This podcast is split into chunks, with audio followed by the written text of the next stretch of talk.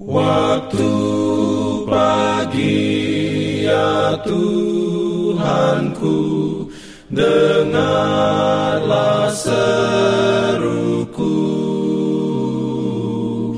Melayang doa yang sungguh Memandang padamu. Selamat pagi pendengar Radio Advent Suara Pengharapan Mari mendengarkan suara Tuhan melalui tulisan pena inspirasi menjadi putra dan putri Allah.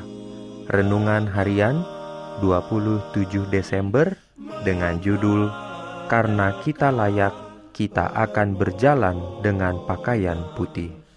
Ayat inti diambil dari Wahyu 3 ayat 4. Firman Tuhan berbunyi, tetapi di Sardis ada beberapa orang yang tidak mencemarkan pakaiannya.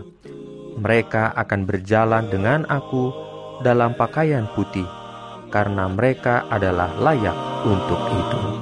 Diberikannya perlindungan dalam pimpinannya. Urayanya sebagai berikut. Apabila sebagai pemenang kita akan berpakaian putih, Tuhan akan mengakui kesetiaan kita justru sama seperti pada zaman jemaat Kristen mula-mula ketika dia mengakui di Sardis ada beberapa orang yang tidak mencemarkan pakaiannya. Dan kita pun akan berjalan besertanya dengan pakaian putih karena oleh perantaraan korban pendamaiannya itu, kita pun diperhitungkan layak. Mengingat semua janji yang menguatkan ini, betapa tekun kita harus berjuang untuk menyempurnakan tabiat yang akan menyanggupkan kita berdiri di hadapan anak Allah. Hanyalah mereka yang berpakaian jubah kebenarannya yang akan dapat mempertahankan kemuliaan hadiratnya apabila dia kelak kelihatan dengan kekuasaan dan kemuliaannya. Ini berarti besarlah maknanya menjadi seorang pemenang. Segala serangan musuh dan semua perwakilannya yang jahat harus dilawan dengan tegas. Setiap saat kita harus berjaga-jaga.